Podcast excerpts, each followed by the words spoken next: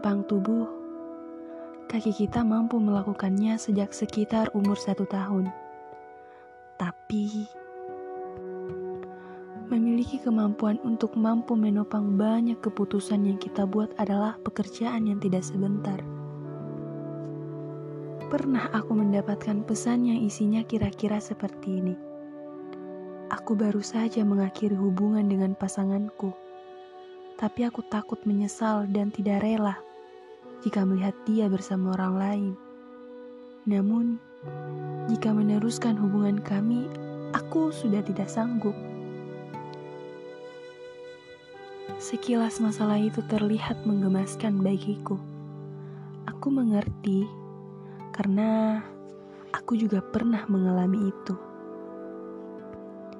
Kita tidak diajarkan untuk melepas dan merelakan dan belajar menghadapi kehilangan justru hanya ketika hal itu terjadi. Kehilangan bukan hal yang bisa dipersiapkan. Kita baru belajar menghadapi kehilangan setelah mengalami kehilangan itu sendiri. Percayalah, aku juga pernah merasakan bagaimana tidak relanya kekasih yang aku tinggalkan akhirnya memiliki orang lain yang ternyata lebih baik dariku atau terlihat lebih bahagia daripada saat bersamaku. Menyebalkan memang. Untuk menentukan satu keputusan, manusia memikirkan banyak lapisan risiko, beserta keuntungan dan kerugian. Dilihat dari pernyataannya, betapa jelas ia tidak ingin melihat dirinya ditinggalkan setelah nanti. Bahwa keputusannya tidak membuat kekasihnya menderita dan ia akan merasa tak lagi dianggap. Ia takut, ternyata ia tidak begitu dicintai. Takut keputusannya memperlihatkan bahwa ada orang yang akan lebih membahagiakan mantan pasangannya. Dan ia tahu rasa kesepian yang mencekam setelah tahu mantan pasangannya bersama orang baru.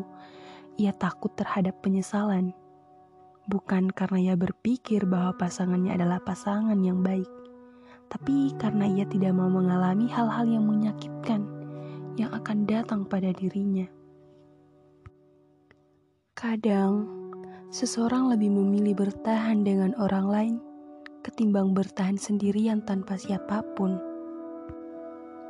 Saat bersama orang lain, Kau hanya perlu bertahan dari beberapa sifat dan sikap yang tidak kau suka dari orang yang sedang bersamamu.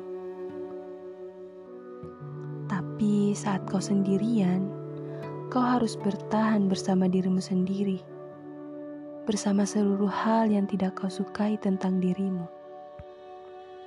Kenyataan bahwa pada usia-usia muda, percikan-percikan emosi yang digandrungi dan dinikmati kerap berasal dari kehadiran manusia lain.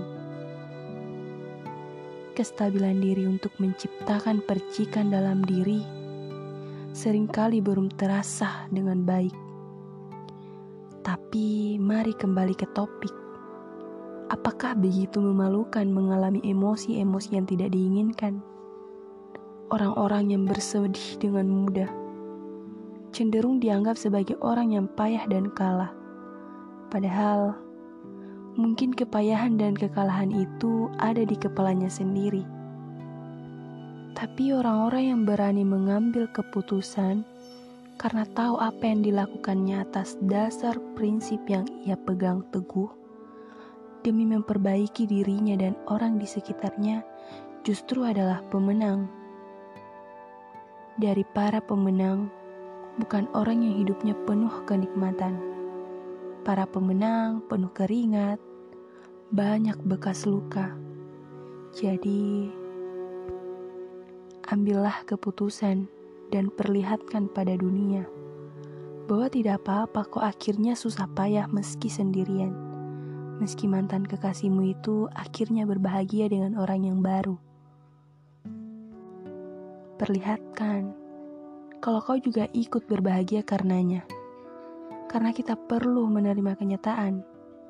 Kita tidak akan selalu mampu membahagiakan orang. Kita bukan orang yang selalu tepat untuk orang lain. Setidaknya, kita adalah ketepatan bagi diri kita sendiri. Bayangkan jika kau lagi jalan di taman, lalu tiba-tiba tersandung kursi taman sampai lutut terluka. Marah-marah tidak bisa bikin luka di lutut sembuh. Menyesal juga tidak bisa bikin lukanya kering.